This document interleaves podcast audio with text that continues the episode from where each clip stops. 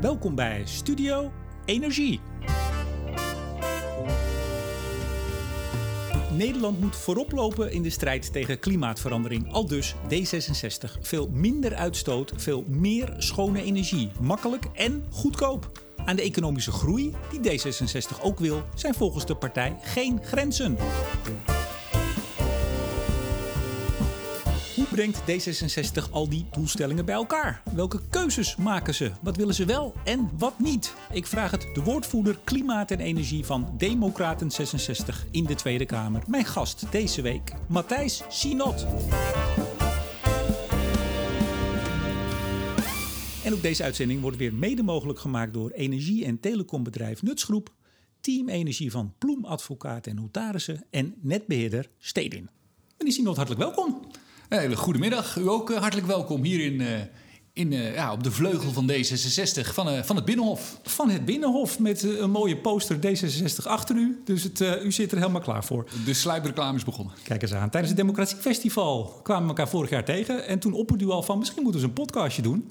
Nou, uh, daar zitten we dan. Het is een eer en genoegen. ik ben een regelmatige, zeer regelmatige luisteraar. Dus ik vind het ook heel mooi dat wij nou een keer de gelegenheid krijgen om uh, nou, de, de, ja, de vragen die ik wel, wel weet uh, dat je hebt. Ja. Mag, mag ik jij zeggen trouwens? U? Zeker, ik blijf u zeggen, maar zeg gerust jij. Dat doen we altijd zo. Ik, ik ga even door. Concrete aanleiding is wel belangrijk toch?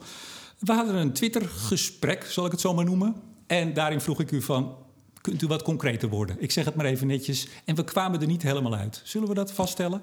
En toen heb ik gezegd, en u vond het meteen een goed idee... laten we nou gewoon misschien wel een uur gaan zitten...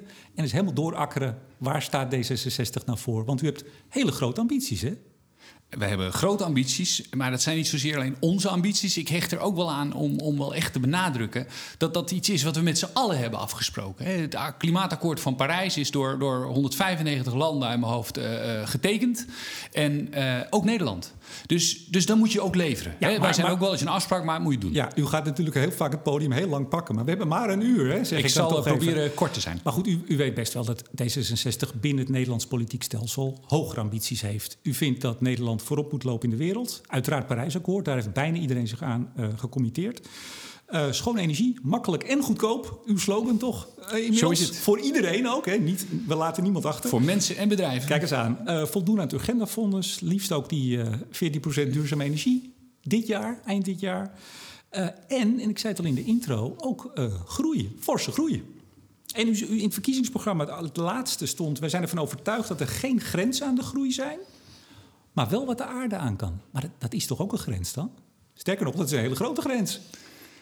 Ja, het is in elk geval het kader waarbinnen waarbinnen je met elkaar uh, onderneemt en, en, en, en welvaart creëert. En ik denk dat, dat die zin, uh, de geest daarvan, kijk, letterlijk genomen heb je natuurlijk gelijk, is, is er iets van een grens. Maar ik denk dat belangrijker is de geest die eruit spreekt. En de geest is er een van, wij mensen zijn zo vindingrijk, we vinden altijd weer nieuwe wegen om, om een probleem wat eerder onoplosbaar bleek, bijvoorbeeld met een nieuwe technologie, op te lossen. Ja, en u zegt zelfs in het programma dan, hè, want dat is geschreven voordat u volgens mij Kamerlid was. Toen was ik nog geen Kamerlid, klopt. Goed, het is wel het programma waarmee u nu in de Kamer zit. Zo is het. Daar zegt de partij, we zijn ervan overtuigd dat op de langere termijn... het leven binnen duurzame grenzen tot extra economische groei leidt. Ja, dat is de zogenaamde groene groei. Kijk, als we heel veel mensen uh, laten uh, weten te verleiden tot uh, het doen van duurzame investeringen aan hun huis. Uh, en een aanschaf van een elektrische auto, zonnepanelen op je dak, warmtepomp of, of, andere oplossingen, wat er nu allemaal voor doorgaat, dan is dat groei. Dat, dat levert nieuwe, nieuwe economische welvaart op. Het geld moet wel altijd ergens vandaan. Het is bekende, u kent dat vast, de broken window fallacy. Als we overal ramen gaan inslaan, dan gaat het ineens fantastisch in de, in de glaszetterswereld. Maar het moet wel ergens vandaan komen. Ja, dat is natuurlijk zo. Uh, uh, daarom uh, gaan we ook niet over één nacht ijs. Maar laten we ook altijd onze plannen doorrekenen. bijvoorbeeld door het PBL. Hè. Het verkiezingsprogramma is ook gewoon doorgerekend door het PBL. Kom, komen we zo uitgebreid op. Want u bent eigenlijk, als ik dat. Ik, ik heb me goed voorbereid. Uiteraard, als ik met een volksvertegenwoordiger ga zitten, bereid je je voor. Bent u niet een beetje de, de, liefdesbaby van, van de VVD en GroenLinks? Of ChristenUnie, wat u wil? Want u hebt aan de ene kant, zegt u, eigenlijk die liberale stem hè, van de, groei, uh, meer groei. Eigenlijk geen grens naar de aarde, maar los daarvan geen grens. Maar aan de andere kant bent u ook uiterst. Ik, ik, misschien begrijp ik de vraag niet helemaal. Uh, wat ik, wat, het was een beetje een knipoog. Ik, ik, de liefdesbaby van de VVD en de ChristenUnie, meneer Sinot. Ik, ik vind dat... Uh, ik vond het woord liefdesbaby is denk ik altijd goed hè, als er liefde in zit. Ach, maar wat belangrijker is, is denk ik wie we zelf zijn. en, en wie wij zelf zijn is een partij die ziet dat... nou, wat ik, wat ik net ook probeerde te zeggen door op innovaties te sturen, vindingrijkheid, uh, komen er vaak hele mooie nieuwe oplossingen. Niemand had gedacht, als we, als we even het perspectief, want we hebben het vaak over 2050, het is 30 jaar van nu. Maar als we 30 jaar teruggaan, 1990, toen was ik zelf 18. Uh, was het ondenkbaar dat zonnepanelen zoals ze nu zijn zo goedkoop zijn. Ja. Uh, het was ondenkbaar dat als iemand had gezegd... nou, wat we dan gaan bouwen zijn wind, uh, grote wind op zee molens. en, en als we het goed doen, en dat zegt nu gewoon een partij als de IEA, dat was natuurlijk ondenkbaar, dan zou dat een van de ruggengraten kunnen zijn, zou dat de ruggengraat kunnen vormen van ons duurzame energiesysteem, windmolens op zee. Zeker. Gaan we op door. Zijn, zijn maar, ik vind het dus heel belangrijk om, om, om even mee te geven uh, dat het niet zomaar is van dat wij, uh, dat wij niet erkennen dat er wel degelijk, als je op de huidige manier doorgaat, dat je tegen grenzen aanloopt. Zeker. Maar het idee is vooral dat je die grenzen niet als een eindpunt ziet, maar als een beginpunt voor een discussie hoe het anders kan. Toen u uh, zich warm liep om Kamerlid te worden, toen hield u een geluksmarathon begin 2017. En toen zei u, u wilde laten zien, 42 dagen lang, iedere dag een voorbeeld over hoe we kunnen leven in overvloed. Nou moet ik u eerlijk zeggen, ik heb de geluksmarathon gemist. Dat is, dat is mijn gemis, uiteraard. Maar kunt u eens een voorbeeld geven wat u dan die 42 dagen deed met laten zien hoe we in overvloed kunnen leven? Ja, nou, uh, ik, ik, heb, ik heb bezoeken gebracht aan, uh, aan allerlei bedrijven, organisaties. En een ervan die ik heel mooi vond, was een, een, een, bezoek aan uh, Theo Pauw in, in Utrecht. Ik weet niet of ik die naam mag noemen. Van mij mag u uh, alles. ik, ik, ik, zeg het met een kleine slag om maar volgens mij heette het zo. En in elk geval, daar, ehm, daar, daar worden heel veel grondstoffen werden daar gebouwd, of gebruikt, beton. Ja? En die zeiden, ja, er is genoeg eigenlijk beton in Utrecht om de groei, en Utrecht heeft een grote groei uh, voor de boeg, om die uh, groei uh, te kunnen, aan te kunnen voldoen. Dus eigenlijk kunnen we met het hergebruik van, van beton, wat er in de stad is, als we dat goed organiseren, kunnen we de uitbreiding van de stad ook weer, weer regelen. Nou, dat vind ik een voorbeeld van, je kunt denken er is beperking, er is maar zoveel, zo weinig grondstoffen, je kan ook denken er is meer.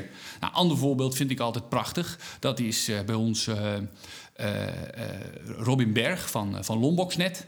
Uh, hij, hij, was net begonnen met zijn, met zijn eh, slimme laadpalen en hij tekende dat op een, eh, op een bord voor me. En eigenlijk, het duurde even voordat ik echt echt tot bij mij landen. Dat je dus de accu van een auto ook kunt gebruiken voor ontlasten van het, van het ja, inmiddels rijdt u ook op zon, hè? Ik rij ook op zonne-energie. Met WeDrive Solar? Uh, met WeDrive Solar. En dat is allemaal, allemaal daar vandaan gekomen. Uh, uh, dat zijn allemaal voorbeelden. Maar is dat, dan, is dat dan overvloed? Of is dat gewoon op een slimme manier? Want we komen straks natuurlijk ook wel op de uitdagingen waar de wereld voor staat. Laten we anders daar maar op doorgrijpen. Ik wil u toch nog even, als dat mag. Nou ja, ik heb bijvoorbeeld geen, geen beperking in de, mijn mobiliteitsvraag. Ik kan met mijn, mijn zonnedeel auto kan ik, uh, kan, ik, kan ik de reizen doen die ik doe. Zonder, dus ik ben niet belemmerd, zeg maar. Als ik acuut een auto nodig heb, dan is die beschikbaar en kan ik uh, schoon reizen. Maar het gaat natuurlijk uiteindelijk, en we gaan straks even naar Parijs. Het gaat natuurlijk hoe de hele wereld kan leven. En dan is overvloed best een ambitie. En daar begonnen we eigenlijk mee. Ja, en, en, en, en daar geef ik je ook helemaal gelijk in. Het is natuurlijk een ambitie. En we zijn er nog lang niet. Dat wil ik ook maar even beklemtoond ja, hebben. Heel goed. En u zei ook tijdens die marathon: we kunnen leven van de zon en de wind. Dat is een prachtige zin. ja. Ja. nou ja, en, en daar bedoelt, bedoelt u dan helemaal van de zon en de wind, of bedoelt u voor een belangrijk deel van de zon en de wind? Ja, nou, ik, het is goed dat, uh, dat je die uh, nadere verduidelijkt. Kijk, ik denk niet op dit moment, als ik alles bekijk, alle modellen. Hè, hier ging onze discussie op Twitter natuurlijk ook over helemaal 100% leven van de zon en wind. Als je alles op een rij zet, uh, uh, is dat, uh, is dat niet haalbaar. Je hebt sowieso opslag nodig hè, voor de tijd dat de, zon, dat de wind niet waait, de zon niet schijnt. Zo reëel zijn we natuurlijk ook. En je hebt zelfs langere perioden, donkelflauten, waarin je, waarin je ook heel krap kunt zitten en ook opslag niet meer toereikend is. Zo, zo eerlijk moet je gewoon zijn. Ja. En, en dat, dat zijn we ook. En daar kijken wij ook naar. Goed zo. Uh, u zei toen ook, en dat is het laatste wat ik eraan aanhaal, want dat was toch uw start als politicus. U was al gemeenteraadslid in de gemeente Utrecht. U zei het kan, wat we eigenlijk tot nu toe besproken hebben, als de politiek ervoor kiest. Is dat ook de reden dat u de Kamer in wilde om de handen uit de mouwen te doen en echt het actief te gaan doen? Eh, zo is het precies. Ik, eh, ik, ik, Nou, helder. Misschien, ja, nou, laten we het daarbij houden. Eh, Ja. ik, kijk, ik, ik, ik, ik had natuurlijk gewoon een baan en, en daarna had ik een, een, een- ik runde een website, hetkanwel.nl. Misschien kort om even... Ja, daar, gaan, daar kom ik oh, op. daar Want ik Nou, in elk geval, want- eh, zo is het. Ja, u stond op eh, plek 21 op de kieslijst eh, voor 2017. Eh 19 zetels. Nou, toen ging, ging uw partij de regering in. Dus schoof een paar mensen door. Toen werd u eh, nummer 18. Eh, hak over de sloot noemen we dat, of niet? Ja, nummer 19, hè? Dus we hebben met 19 En dan gingen zetels. drie voor u uit weg, toch? Er gingen drie 21. weg en dus ik, ik werd nummer 18. En, eh, Ja. Maar er was nog één plek achter, dus zo Oh, kijk, hak over. Nou goed, Ru- u ging ruim de Kamer in. Inderdaad. eh, je moest even geduld hebben, zo is het. Zeker. Even het cv, toch altijd leuk. Communicatie gedaan, gestudeerd. Universiteit Utrecht. eh, daar ook in gewerkt. Bij Microsoft, MSN, aantal jaren. Altijd al bezig met duurzaamheid. Het kan wel. Inderdaad, met de klemtoon op wel. Eh, website eh, opgericht mede door u. Klopt. Grote, grote website. Eh, ik, ik moet wel heel eerlijk bekennen, dat ligt echt aan mij. Ik kende hem niet voordat ik u ging, te- ging googlen. Maar hij is wel website van het jaar geworden Ja, afgelopen jaar. absoluut. Duurzaamheid. Zowel door het publiek als door de experts. Kijk eens aan, ondertitel Groener, eerlijker en leuker leven. En u blogde onder de naam Frisse Wind. Nou, Zo kijk aan. Sinds 2005. En ja, tegenwoordig niet meer. Nee, tot tegenwoordig- 2016 zag ik uw laatste blog. Ja, ik, ik, ik heb, ik, af en toe schrijf ik nog wel een stuk vanuit mijn werk uit de Oh, Tweede Kamer. naam. Ja. Nou, ik heb vooral Frisse Wind gevolgd. Ik heb ze niet allemaal gelezen, maar wel heel veel. Ehm 2014 ging u de gemeenteraad Utrecht in. Slogan, samen maken we de duurzame Domstad slim, schoon. Samen help je mee. Nou, daar sprak al een zekere enthousiasme uit. En u, u kreeg ook al, dat vond ik ook wel aardig... u kreeg voordat u eh, gemeenteraadslid was al prijs... beste online politicus in de categorie Facebook... En u kreeg de Groene Belofteprijs van de Natuur- en Milieufederatie Utrecht... voordat u politicus was. Ik vind het knap. Ja, U bent er ik zelf heb het nooit meer overtroffen. Nee, maar dat was wel, eh, ja, dat was, dat, dat was, daar was ik ook een beetje beduust van op dat Ja, moment. nou. Eh, maar ik, ik, ik bracht gewoon heel enthousiast waar ik mee bezig was. En dat werd kennelijk gewaardeerd. Ja, en dan al als, als beste politicus gekozen worden voordat je het bent. Ik vind het razend knap. En u bent nu één nevenfunctie. Nou, toch- groenste, groenste. Ja, toch even leuk om te melden. U bent bestuurslid bij Stichting Wonder. Eh, ja, dat klopt. Sinds kort, sinds vorig jaar. Eh, ja, nou, ik was, was het eerder ook, maar de stichting was even in rusten. En, eh, en nu... Nou, er zijn ook een aantal van hun projecten in rusten. Want ik heb even gekeken, ze hebben er een aantal gedaan. Ze, ze willen ook een aantal doen. Eentje is dewereldredden.nl. Ik ging daarheen, maar de site is sinds 2016 offline. En de reden is, ja, u lacht, waarom we offline zijn. Omdat we de wereld willen redden en het gewoon niet zo snel klaar was als we dachten. nou, dat is op zijn minst in zo'n ernstig onderwerp toch een stukje humor. Of menen ze dit? Ik weet het niet. Nou, wat ik heel leuk vind aan Stichting Wonder... Kijk, Stichting Wonder is vooral eh, het, het project van, eh, van, van, van die mensen zelf. Eh, maar dat is dat ze op een hele frisse manier naar wereldproblemen proberen te kijken... en daar bewustwording voor proberen te creëren. En dat vind ik mooi. Ja. Maar goed, toch even die, dat wereld redden. Laten we beginnen bij het begin. Parijs, klimaatakkoord van Parijs. Dat wordt volledig door D66 onderschreven. Ga ik vanuit. Zo is het. Ja? Vraagteken, nee, uitroepteken. Ja, Uitroepteken. oké. Ehm, tussen de 2 graden en anderhalf. Hoe staan we ervoor? Nou, ik was in Parijs eh, met, eh, met mijn collega's eh, vanuit de Kamer... het afgelopen in december. En ik moet zeggen, het is ja, moeizaam. Hè? Wij, wij zitten, we halen eigenlijk, als je alle, alle plannen van de, van de landen bij elkaar optelt... kom je op 3 graden eh, temperatuurstijging. Ja, 3,2 zelfs. 3,2. En als, je, als je kijkt waar we naartoe willen, eh, dan, dan is er nog heel veel stappen te zetten. En het was in die zin ook wel heel jammer eh, dat, er niet, dat, dat er niet meer resultaat uit die grote top kwam. Nu U ligt er heel veel druk op naar, Pardon, u bedoelde net dat u naar Madrid was, hè? U Ja, ik was naar Madrid, de, klimaattop in Madrid. Ja. Oh ja, sorry. Ik was, Nee. ik was bij de klimaattop Ik in dacht, Madrid. als u in Parijs gaat zitten, ja, daar gebeurt ook niks. U moest naar Madrid. Maar goed, met elektrische auto, met Tom van der Lee GroenLinks. Maar dat terzijde. Drie tot vijf keer meer dan wat landen nu hebben toegezegd moeten gebeuren. Vijf keer meer voor de anderhalve graden en drie keer meer voor de twee graden. Ja, de opdracht is gigantisch. Ja, daar, kan ik, eh, daar, daar hoeven we ook niet omheen te lopen. Eh, en ik denk ook dat daar... Kijk, u schetst net mijn enthousiasme, eh, mijn optimisme. Eh, maar dat, dat, gaat niet, eh, ge- ge- dat gaat niet zonder ook wel eh, heel veel realisme. Van, van wel zien wat er is. En ik zie mijn optimisme ook een beetje als een opdracht. Want je zou ook het bijltje erbij neer kunnen gooien. Ja. Als je dit ziet. En, en, en ik vind dat we dat simpelweg niet kunnen uitleggen aan, eh, aan, aan, aan de generaties na ons. Ja. Eh, Nou, dus nou- dus daar, daar, daar begin ik niet aan. Nou is de, eh, de uitstoot is de afgelopen tien jaar... en nou citeer ik even het Emissions Gap Report van de Verenigde Naties... wat weer vorig jaar uitkwam, wat nog steeds dat gat van die drie tot vijf keer laat zien. Hè? Dat was het in 2015 ook al. De hoop is dat dit jaar de ambities worden bijgesteld van de, de landen in Parijs, de Parijslanden. Um, afgelopen uh, tien jaar is hij gemiddeld met anderhalf procent gestegen per jaar de uitstoot. Voor die anderhalve graden zouden we vanaf nu ieder jaar 7,6 procent in de min moeten. Dus bij elkaar opgeteld zo'n 9 procent verandering ten opzichte van de afgelopen tien jaar. Ziet u dat gebeuren? Nou, niet lineair. Uh, dat, uh, dat, ik denk dat dat niet realistisch is om te verwachten. Maar het geeft wel aan dat we. Wat het mij vooral leert, is we moeten de omslag maken.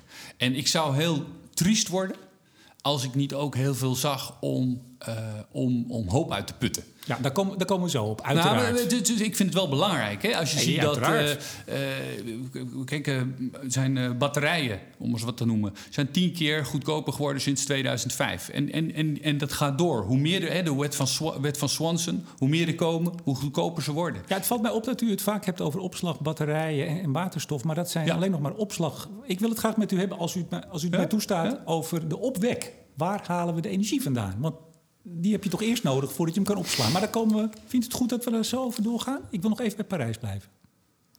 U kijkt heel moeilijk. Nou ja, ik, voor mij hangen die twee wel samen. Kijk, wil je Parijs ja, halen, dan moet, dan moet, je wel de mogelijkheden hebben om het te halen. Daar gaan we het uitgebreid over hebben. En uh, dus, dus, dus daar, daarom reageer ik daarop. Zeker. Um, IPCC, uh, de club die uh, al het onderzoek eigenlijk ja, in kaart brengt, hè, samenbrengt. Ja. Onderschrijft u hun rapporten, conclusies? Nou, het is Adviezen, hoe je het maar wil noemen. Ik denk dat hun inzichten over de stijging van de wereldwijde temperatuur en de invloed van de mens daarop, uh, daar, dat is zo'n brede consensus. Natuurlijk onderschrijf ik dat. Ja, nou brachten ze vorig jaar, eind vorig jaar, een rapport uit SR15. Dat was eigenlijk een rapport over het verschil tussen als we nou naar 2 graden gaan of anderhalf. Dat lijkt heel weinig, dat halve graadje. Maar dat heeft heel veel impact. Ja. Dat, dat is dat rapport, dat kent u vast van gehoord. Ja, uiteraard. Zeker.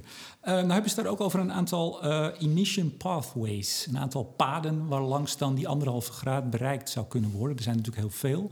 Maar een soort samen, samenvoeging. Ik, ik laat u even... Ze hadden er volgens mij 90 of ja, zo. Precies, maar dit is even uiteindelijk... Vier, ja. Uh, ja. Nou, nou staat daarin dat als we maar enigszins een kans willen hebben... dan moeten daar, ik zeg het maar even, en of... heel veel kernenergie, heel veel biomassa, heel veel CCS. En dan ligt het aan welk...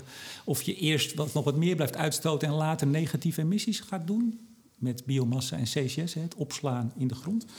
Um, ja, als u daarnaar kijkt, uh, onderschrijft u dan het feit dat we op wereldschaal, we komen zo natuurlijk naar Nederland, dat we dus biomassa, kernenergie, CCS, afvangopslag, dat we dat in wisselende verhoudingen, hoe uw pet maar staat, dat we dat nodig hebben?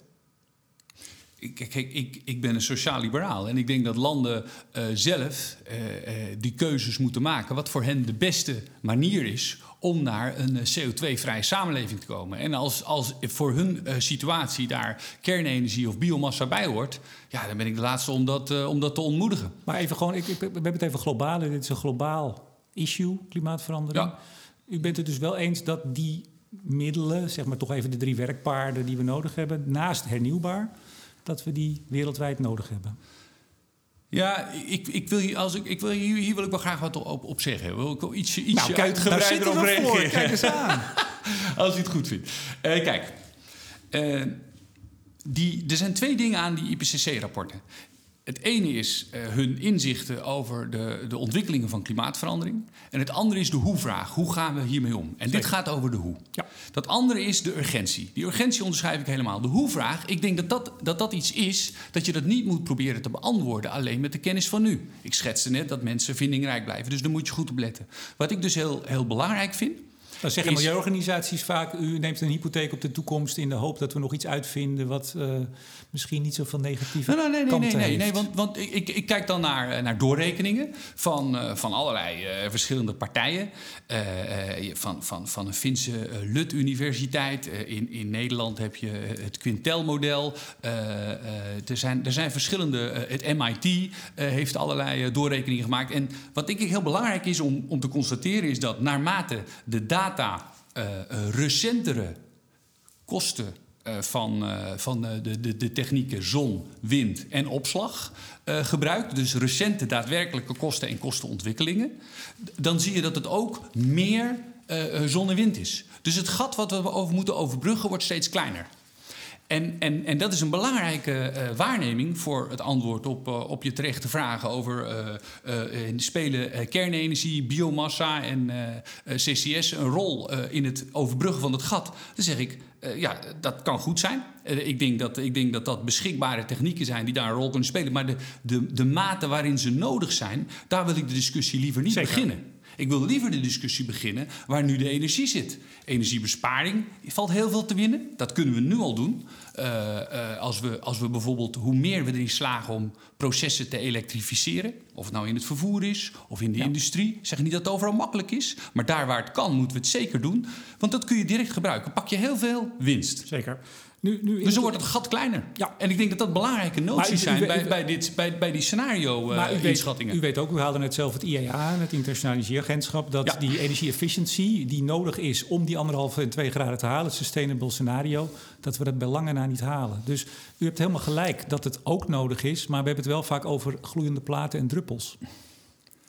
Eh, ik denk dat, uh, dat de, de, de kansen op energiebesparing nog zo groot zijn dat die, uh, die druppels. Uh, ja, dat, ik, ik, denk dat dat wel druppels zijn die tellen. als je simpelweg kijkt naar het verlies. Een, een, een brandstofauto die verliest iets van 60% van zijn, van zijn brandstof aan warmte. Terwijl een elektrische auto zet bijna 99% om in, in beweging. U had de directeur of de, de hoofdpiet, zou ik bijna zeggen, van het IAI ook in de Kamer hè, bij het najaar.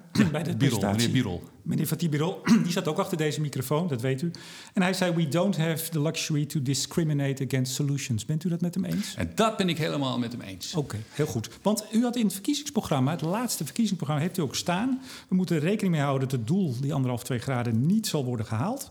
We ontkomen er niet aan om op grote schaal technologie in te zetten die CO2 opvangen uit de atmosfeer en onschadelijk maken. Dat staat in uw laatste verkiezingsprogramma. Dus dan omarmt u ook bijvoorbeeld eh, massale CCS, et cetera. Ik, ik, ja, kijk, ik, ik, ben, ik wil wel benadrukken dat je komt er niet als je tegen van alles nee gaat zeggen. Wat wel belangrijk is, is welke voorwaarden laat je het uh, doorgaan. Ja. En dan vind ik het zeker als we over keuzes hebben die, die 30 jaar vooruit kijken. Uh, dat, we, dat we daar een beetje verstandig mee omgaan. En verstandig is niet met de kennis van nu kiezen voor dit systeem, want dat lijkt nu het beste. En, en overigens, zo, duidelijk is, zo uitgesproken zijn al die scenario's niet. Zeker als je voor de situatie van Nederland bekijkt. En vervolgens uh, uh, uh, lopen we misschien kansen mis verderop in de wedstrijd van technieken die nu nog klein zijn, maar dan heel groot. We gaan het zo over Nederland hebben, want daar gaat het natuurlijk vooral over. We hebben het nu nog even over de wereld. Maar we gaan het over Nederland hebben. Dus daar komen we op. Want u zit ook aan de knoppen, mede. U bent wetgever, medewetgever. Ja, ik, ik, ik, maar ik vind het heel belangrijk om, om te zeggen van of ik nou hier ben... of dat ik in Europa ben, of ik praat met mensen in de wereld. Voor mij is altijd het uitgangspunt... Uh, het moet schoner, het moet goedkoper en het moet makkelijker. Hoe gaat het? En, da, en dat, dat, dat, dat, als we daaraan kunnen werken, daar toets ik alle techniek aan. Ja. Uh, hernieuwbaar zit in alle pathways, alle scenario's zit natuurlijk enorm veel hernieuwbaar. Zon en wind, met daar, name. Daar zijn we het over eens. Zeker, die zit erin. Hoe gaat het wat u betreft met de ontwikkeling daarvan? Toch even wereldwijd. Komen ze op Nederland? Uh, volgens mij uh, zag ik recent nog een grafiekje van jouzelf. waarin, waarin inderdaad het streepje van hernieuwbaar niet zo groot is. Nog, nog niet, zeggen we dan, hè? Nog niet. Maar als ik kijk, hè, en dan, ik, ik kijk liever dan de long view, uh, zie ik wel een verzevenvoudiging. Uh, dat is fors. Helemaal als je bedenkt dat waar we vandaan komen. Maar ik zal het u sterker vertellen. 200 keer goedkoper is zonne-energie sinds 1976. En ja, het, wordt, het wordt met nog een derde goedkoper. Ja, maar meneer Sinot, u, u zit heel vaak op die kosten. En dat is waar, dat, is, dat weet iedereen. Die dalen als een dolle. Maar laten we toch ook even kijken naar wat zet het nou voor zoden aan de dijk. Want u hebt gelijk, het groeit spectaculair. Dat zie je in alle grafieken. Uh, sinds 1990, ik citeer even het IEA, 37% jaarlijkse groei van zon. Me dunkt. Uh, wind 23% groei per jaar.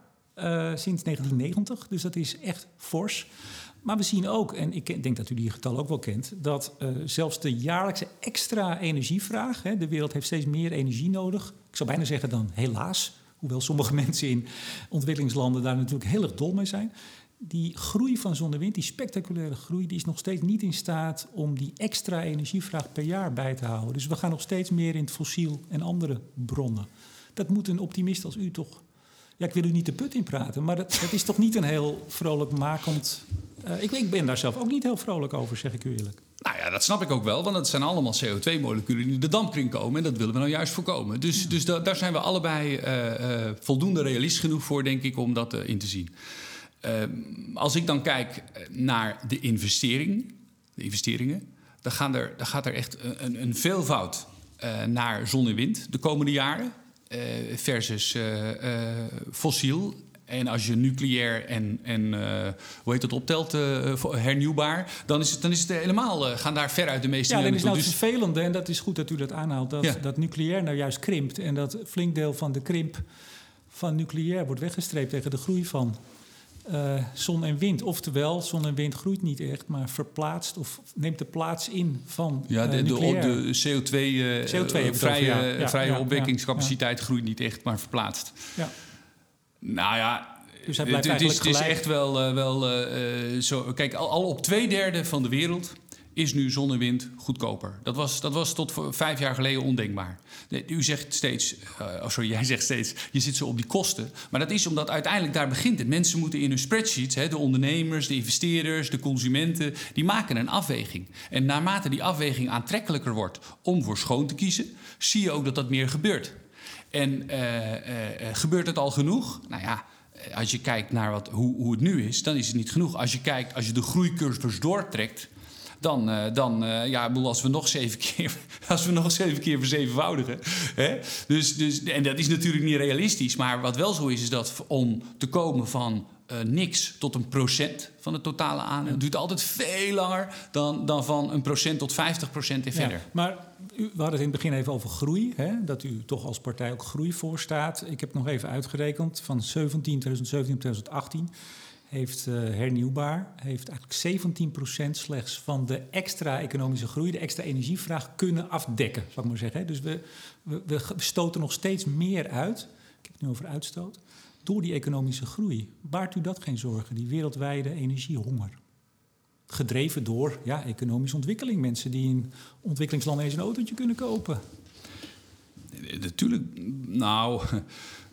Vol, volgens mij zijn wij vooral verwarming Europa. Amerika, eh, zijn natuurlijk eh, al, al, al, al eeuwenlang de grote uitstoters geweest. Dus om het nu in één keer die mensen hun welvaart te ontzeggen, of, of dat een, een Deed- meisje deed dat- in één keer dat wel. dan? Deed dat nee, nee, nee, maar, maar, van. wel- ja, maar dat zijn al nee, feiten, meneer de- Dat zijn feiten. Dat is niet een oordeel dat ze het niet mogen. Sterker nog, ik ben zeer oh, voor de ontwikkeling daarover van... eens. Maar het is gewoon een feit. Het is, het Helaas. Is, het is, of helaas, nee, voor hun niet. Het is, het is een feit dat er steeds meer mensen in, eh, in de kansrijke eh, situatie komen dat ze energie kunnen benutten. En het is aan ons, denk ik, en daarom vind ik eh, bijvoorbeeld die Green Deal zo belangrijk. Daarom vind ik het zo belangrijk dat we wel in Glasgow tot een veel serieuzer actieplan komen om ook werk te maken van die klimaatafspraken Ja. in Parijs. De eind, nieuwe eind van jaar een nieuwe top, hè? ja, Ja. Ik vind ook dat Timmermans daarvoor vo- vol aan de bak moet. Om ervoor te zorgen dat, eh, dat we een, een strategie bedenken. waarmee we eh, de landen die nu moeilijk doen, hè, zoals Brazilië en eh, Australië. eh, nu wel meekrijgen. Ja, denkt u, denkt u dat ze, meneer, eh, meneer hoe heet u, Bol- Bolsonaro, dat hij onder de indruk is van eh Fransje? Ik zeg het een beetje voor de grap, hè, Fransje. Frans Timmermans. Tuurlijk, tuurlijk. Ja, denkt u? Nou, ik, ik begrijp dat. Ik bedoel natuurlijk dat het een grap is. Ja, nou ja. Ik denk eerlijk gezegd dat eh, het niet zozeer erom gaat of hij nou heel erg onder de indruk van de heer Timmermans is. Eh, daar, daar, daar ga ik verder niet over. Maar hij is natuurlijk wel onder de indruk van de enorme inkoopkracht die de EU heeft. Het enorme handelsblok. Eh, we kunnen meer, strategisch meer in de melk brokkelen. En dat gaat dan niet over harde power, want eh, onze defensiemacht in, in Europa, of de, de, daar zit het hem niet. Dus in die zin hebben we geen agressieve macht, maar wel heel veel soft power. We gaan het niet met het leger afdwingen. Dat Precies, maar we hebben wel heel veel soft power. Ja. En, en, en, en ze willen heel graag toetreding tot onze markt. Ja. En eh, eh, ze willen ook graag dat wij hun spullen kopen. Nou, dat zijn allemaal zaken waar volgens mij de heer Timmermans veel wapens in de strijd kan werpen. Volgens mij in Australië is, de, is, is het bewustzijn ook aan het veranderen. Dat is natuurlijk ook heel belangrijk. Hoe meer bos daar afbrandt, hoe, hoe sterker daar de roep om verandering. En uiteindelijk begint het daar toch. We gaan naar Nederland. Met u welnemen. Ehm, we gaan het hebben over wat u wil en wat u niet wil in Nederland. Eh, en volgens mij wilt u geen steenkool. Heb ik dat goed? Eh, die gaat er per, eh, nou ja, gefaseerd, hè, maar in 2030 moet de laatste kolengebruik Ja, zijn. u wilde voor, eh, 225 in het verkiezingsprogramma, hè? Ja. Dat is niet gelukt. Nou ja, het is vijf jaar later geworden. Maar er, zijn een, er is al één uh, wel eerder dicht gegaan. Ja, ik zag uh, uw fractievoorzitter, uh, dat weten we allemaal, de foto met het duimpje bij de Hemwegcentrale, hè, waar hij vorig jaar toch enigszins triomfantelijk, ja, u lacht al, waar hij enigszins triomfantelijk stond. weg met steenkool, nou helder. ik denk dat ook weinig mensen daar het met u oneens zijn, hè, dat de steenkool de wereld uit moet. Um, ja, als we het over de wereldschaal, wereldschaal hebben trouwens, als we erin slagen om, om dat niet alleen in Nederland, nou ja, wat dat betreft is ook heel bemoedigend wat Duitsland nu uh, aan het uh, plannen is. Uh, dat was een van de dingen die Birol zei. Zorg ervoor dat kolen gewoon wereldwijd wordt uitgefaseerd. Ja, maar dan hebben we nou juist vorige week begrepen dat er aan onze EU-buitengrenslanden weer nieuwe kolencentrales bouwen. En wij steeds meer kolenstroom gaan importeren in de EU. Maar dat geheel en u begrijpt uiteraard dat ik dat een heel ongewenste ontwikkeling Ja, maar laten we nu even in Nederland blijven. Want dan komen we ook echt op uw portefeuilles natuurlijk. Um, in uw verkiezingsprogramma uh, stond ook hè, 2025. En we gaan de rechten uit de markt halen. Want anders heeft het ook niet zoveel zin. Dat zei ook PBL in de doorrekening. Hè, van ja, op het moment dat je ze wel sluit, maar het in het ETS, de rechten die je nodig hebt, uh, zodra die, zolang die uh, in de markt blijven. Verplaatst het. Ja, we hebben natuurlijk een beetje die, die market reserve. Hè, dus er is wel iets uit de markt te halen, maar echt het grote werk, dat lukt dan niet. Uh, nou is dat niet gelukt bij de Hemweg. En nou kreeg u vorige week een petitie aangeboden door WISE. waarin ze ervoor pleiten dat die uit de markt gehaald moeten worden. Dat is niet gebeurd. u heeft hem in ontvangst genomen. Was dat niet een beetje wrang? Zo is politiek. Je krijgt dingen voor elkaar en er zijn nog dingen die je voor elkaar moet krijgen. Eh, ik denk dat we het er uh, snel over eens zijn dat die petitie uh, iets bevestigde wat wij al in ons verkiezingsprogramma wilden. Dat, dat schetst ook heel goed. En vervolgens is het nu aan ons zaak om, om dat wel voor elkaar te krijgen. Want naarmate we meer kolencentrales gaan uitschakelen de komende periode, dat, dat zijn nu eenmaal de afspraken, moeten we wel zorgen dat het ook echt effect heeft en niet dat het verplaatst. En daar is dit een middel voor. Maar waarom is het niet gelukt om die in, in, de, in de coalitiebesprekingen hebt u vast van Rob Jetten nog wel kunnen horen. Of van Stientje van Veldhoven, die daar een grote rol had toen.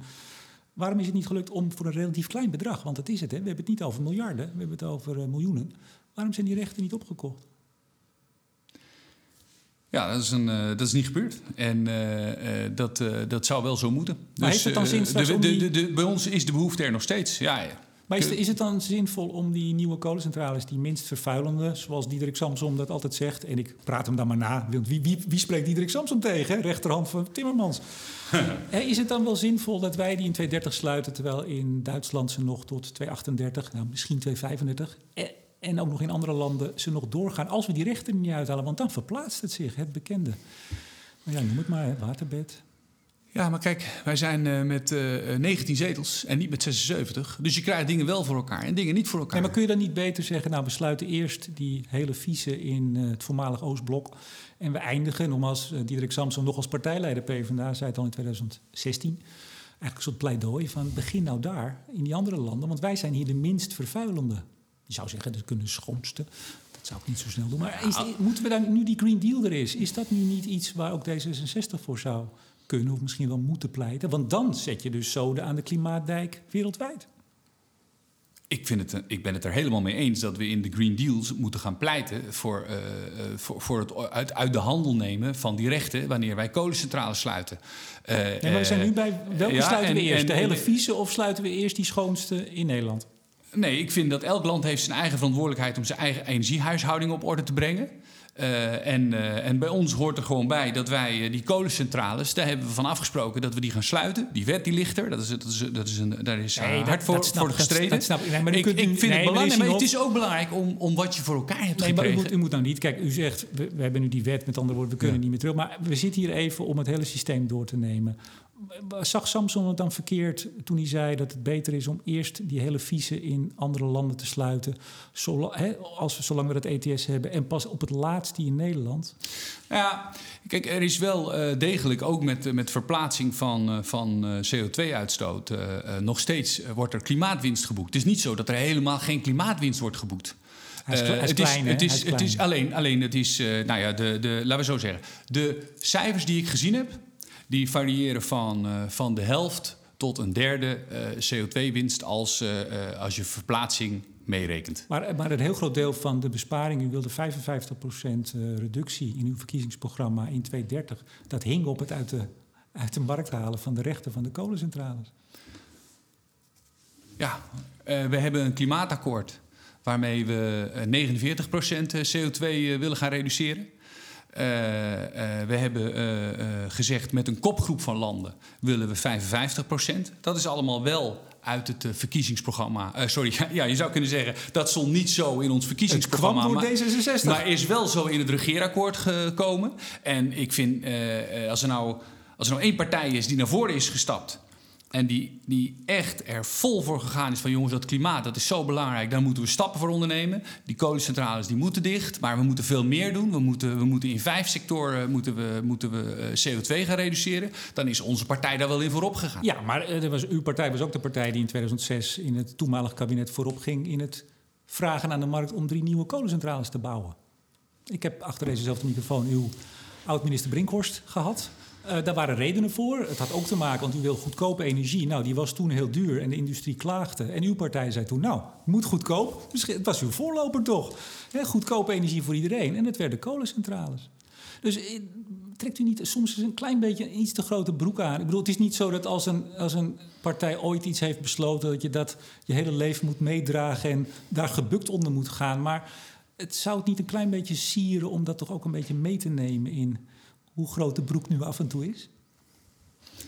Nee, want dan gaan we eraan voorbij dat het klimaatakkoord, eh, eh, de ernst daarvan, dat, sorry, niet het klimaat, de klimaatverandering. Hè, dus, dus hoe het klimaat verandert. Maar in 2006 Dat- wisten we dat toch ook wel? Nou, we dit, dit, dit weekend in Dus- NRC grote reconstructie Ja. over hoe ze Nou. er gekomen zijn. Je hebt die vast gelezen.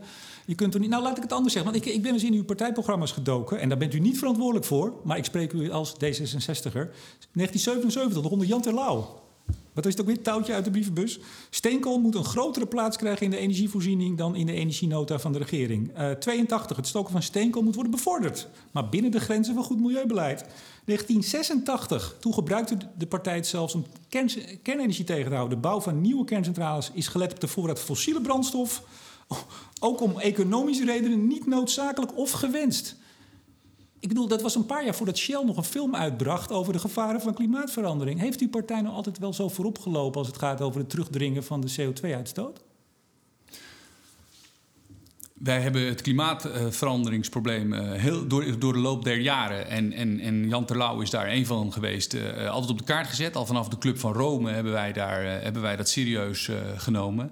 Eh, dat, dat kolencentrales. Dit was 1977, Ja, ja, ja. Jan Terlouw. Het moet gestimuleerd worden, Ja, steenkool. als je, als je, als je, maar het klimaatveranderingsprobleem heeft natuurlijk met meer te maken dan alleen met En de kolencentrales. Club van Rome zat daar nog voor, hoor. Maar om nou iets Nee. van toen ik vijf was eh, eh, aan te halen als, als van trekt u niet een wat grote broek aan. Kijk, ik begrijp heel goed wat u wilt zeggen. Wat je wilt zeggen. En ik, ik ben het er ook mee eens dat er in de loop der tijd eh, veranderende inzichten zijn gekomen over. dat, ja, daar hoef je de verkiezingsprogramma's maar op na te slaan. Maar wat mag. veel belangrijker is, is eh, wat ik nu zeg, eh, hoe we ermee omgaan. Hoe gaan we om met dat klimaatveranderingsprobleem? En ik vind het dan geen grote broek, maar juist gro- van grote moed getuigen als we nu zeggen, we moeten ervoor zorgen.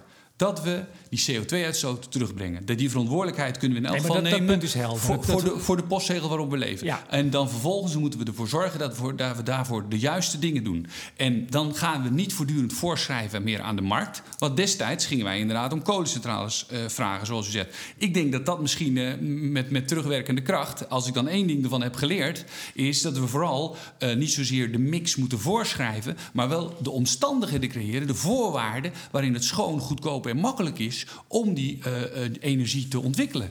En dat er innovaties plaatsvinden die daartoe bijdragen. Ja, maar u zegt, u zegt niet, niet, voorschrijven. eh, als we even naar kernenergie springen. Toch. Ik wou eigenlijk naar zon en wind, wat u wel wil. Maar ja, u, u legt hem nu voor doel. Dus ik moet hem even erbij pakken. Kernenergie. Ja. Daarvan zegt u ook, ja, we schrijven geen technieken voor. U twitterde dat eh, in oktober, afgelopen jaar. We schrijven geen technieken voor, maar ook niet af.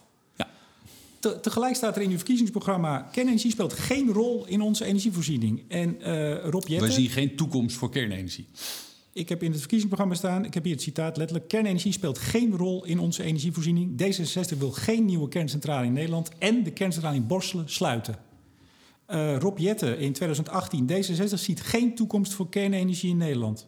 Eh, u nog, ook in 2018. Bovendien draait ons land straks voor een groot deel op zon wind. Eh, flexibel achter. Kernenergie ongeschikt en te duur. U schrijft toch volledig af hier op kernenergie? Kijk, ik, uh, ik, ik, kijk, ik, ik heb hier denk ik aan het begin van dit gesprek de belangrijkste uh, punten wel over gemeld. tot aan 2030 hebben we nu een klimaatakkoord afgesloten waarin zon en wind echt heel stevig gaan groeien. Hè, er komt voor ik weet niet hoeveel keer borstelen op de Noordzee bij. Dat zijn, dat zijn belangrijke stappen vooruit. Dat hebben we, dat hebben we uh, voor elkaar gekregen in dit kabinet. Ja, maar u, neem het toch even. Nee, maar, u, u zegt... ik wil het, als u het goed vindt, wil ik het even afmaken. Dan vervolgens uh, heb ik ook gezegd dat er, we gaan het niet alleen redden met zon en wind. Dat, dat, dat, dat, hebben we nu al een paar keer besproken. Daarvoor komen diverse technieken voor in aanmerking. Maar kernenergie dus niet, wat u betreft. Daar komen diverse technieken voor in. En één daarvan uh, zou kernenergie kunnen zijn. Wij zeggen zelf als partij, we zien wel heel veel nadelen. En dat, dat zie ik zelf ook. Ik, ik heb u eerder uh, verteld dat ik uh, met allerlei mensen en bedrijven en partijen spreek. En eigenlijk is de teneur daaruit altijd... kernenergie is niet alleen heel duur, maar het duurt ook heel lang. Hè? Pieter Boot heeft dat ook nog beschreven recent in een, in een blog over, van het PBL. Pieter Boot heeft nou juist gezegd dat dit kabinet eigenlijk impliciet heeft gekozen tegen kernenergie, tegen ja. nieuwe kernenergie. Maar toch even, is dit niet een klein beetje flauw, vraag ik u? Want 2002, verkiezingsprogramma, kernenergie onacceptabel. Als ik u, ik ga niet Wanneer was dat, 2002? 2002, nee, maar goed, als we het hebben over lange tijd. Als je in 2002 mhm. zegt onacceptabel en... Ja, ik, wil, ik ga niet alle citaten voorlezen, maar ik heb al uw verkiezingsprogramma's tot aan 1966 even teruggekeken. U bent een anti-nucleaire uh, partij. En ik, ik, nogmaals, ik wil best, ik wil desnoods op Twitter zetten alle citaten, maar u bent gewoon tegen. En dan is het dan niet een beetje flauw om te zeggen, wat het zegt u ook, van ja, niemand meldt zich. En, en u zegt ook, we gaan niet discrimineren eigenlijk. We hebben gelijk speelveld, maar zonder wind krijgen een miljarden subsidie. En kernenergie, daar zegt u, u zelf nou, van. En, u, en uw partijleider, die zegt, dat willen we niet. Ja. Dan, dan, kan je toch niet. Dan schrijft u toch voor wat u wel en niet wil. En dat, dat, dat, kunt, dat is op zich, kunt u zeggen, nou, dat is toch nog te billijke ook, maar geef het dan gewoon toe. Ik eh, zeg nogmaals, tot 2030 uh, uh, heeft, in het klimaatakkoord was er geen elektriciteitsmaatschappij die zei: wij, wij onder deze voorwaarden zouden dat willen doen. Ik heb met de sector Ik, gepraat omdat er geen enkele politieke steun voor is. Daarom komen ze niet. En ook geen. Maar het, begint, het, begint, het begint ook met een plan. Ik heb net gezegd: het duurt heel lang. Ze zijn heel duur. Er zijn ettelijke voorbeelden van, uh, van kerncentrales in het Vrije Westen die niet afkomen. Uh, ja, u noemt het alleen het, het Vrije is, Westen, u nooit China en uh, nee, Korea maar goed, en omdat, omdat wij niet gaan inleveren op de veiligheidseisen. Die zijn er ook niet voor niks. U zegt het is niet veilig in China.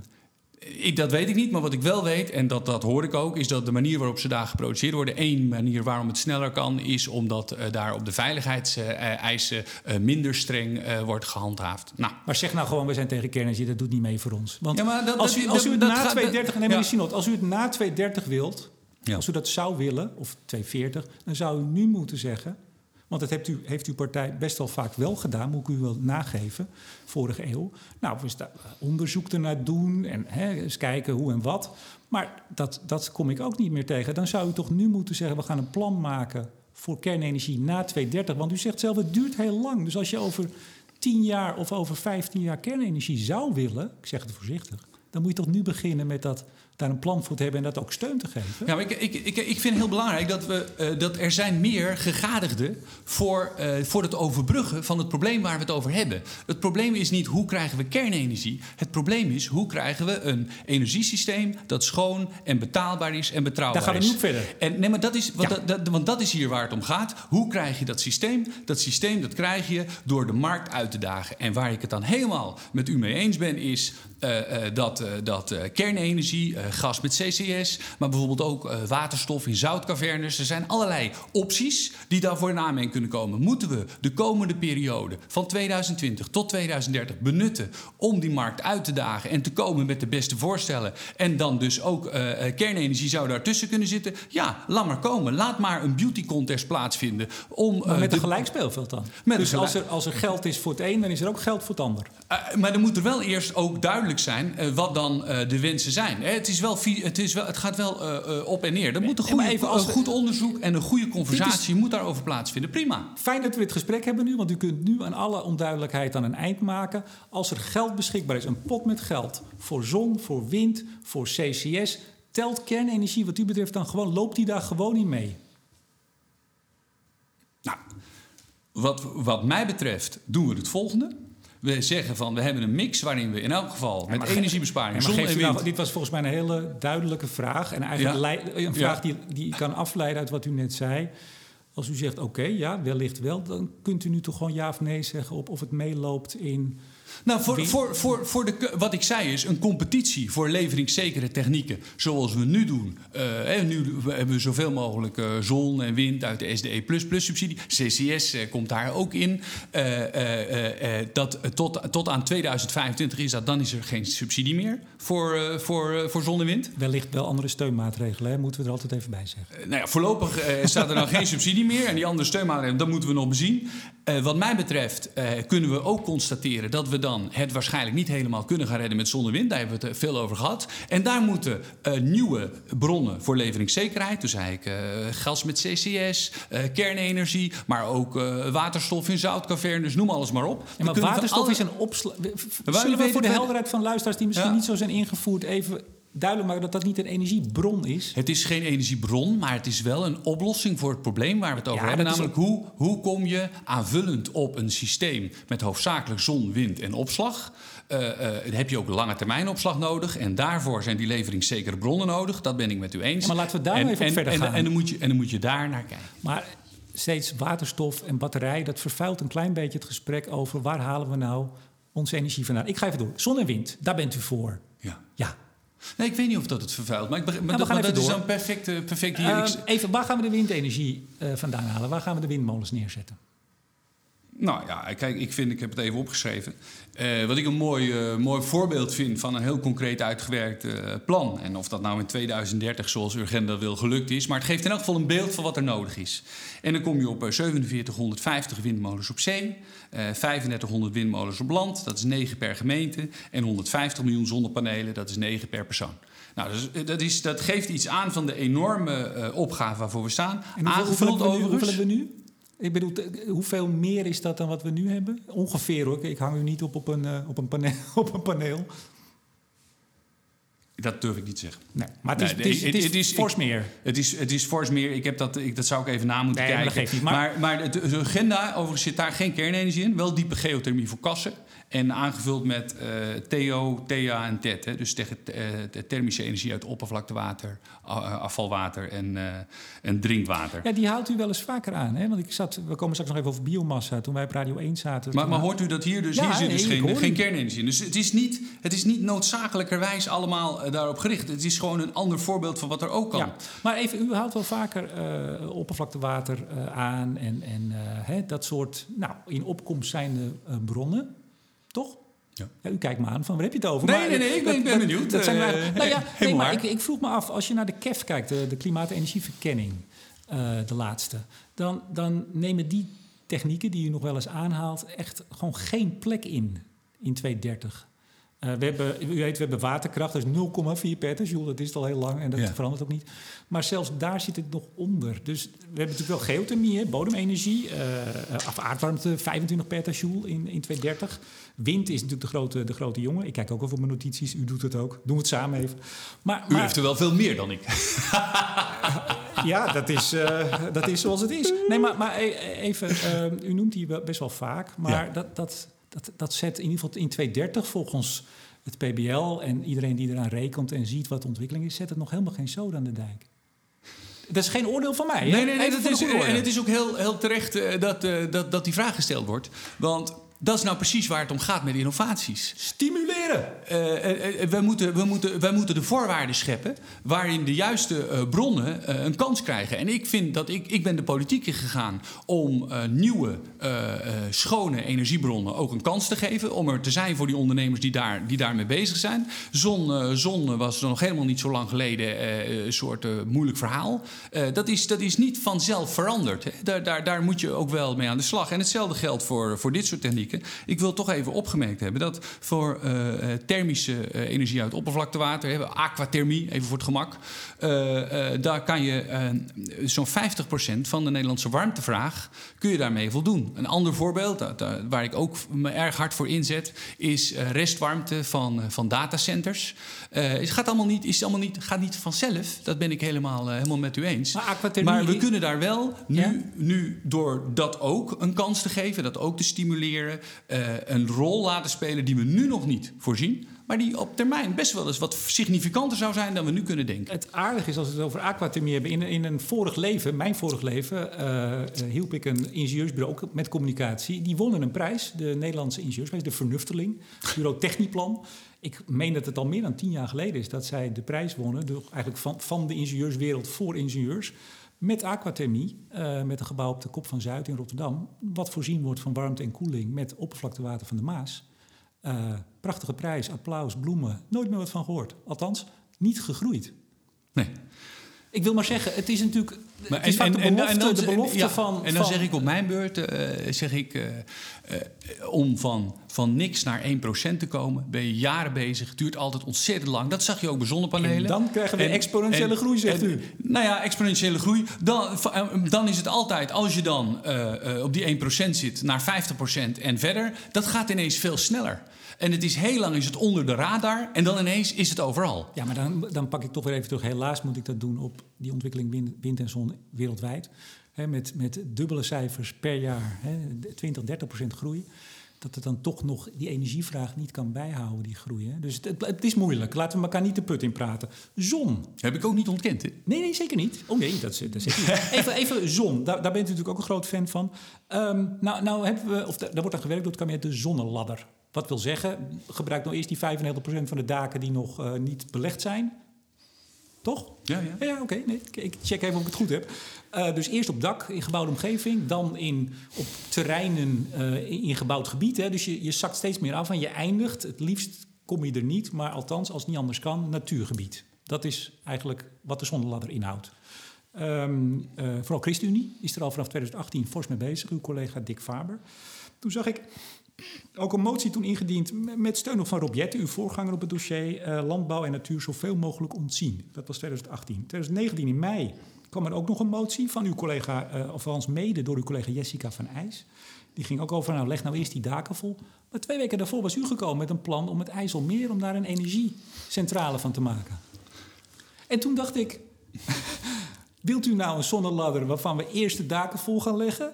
Of zegt u, ik ga nee, het IJsselmeer, u wil daar 4000 hectare, dat is 40 vierkante kilometer. Dat is een Natura 2000 gebied. Daar wilt, wilt u een energiecentrale. En dat is Nou, nou, zo'n punt is- waar ik is- soms tegenaan loop. ja, ik denk van, ja, ik begrijp het gewoon niet. Echt Nee. waar.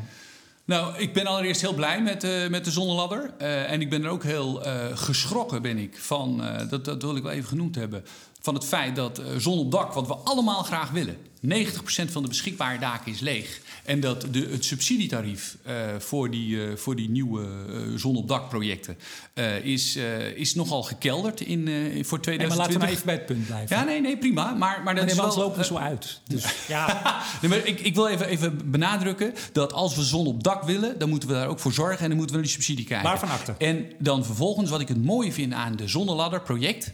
Daar heeft u ook eh, gelijk in. eh, eh, is dat het door natuurorganisaties en eh, ehm, milieu, sorry, milieuorganisaties en bedrijven. die hebben met elkaar, dus zonneprojectontwikkelaars en zo, gekeken. van hoe kunnen we nou hier op een verstandige manier omgaan. in plaats van dat we elkaar de hele tijd in de haar vliegen.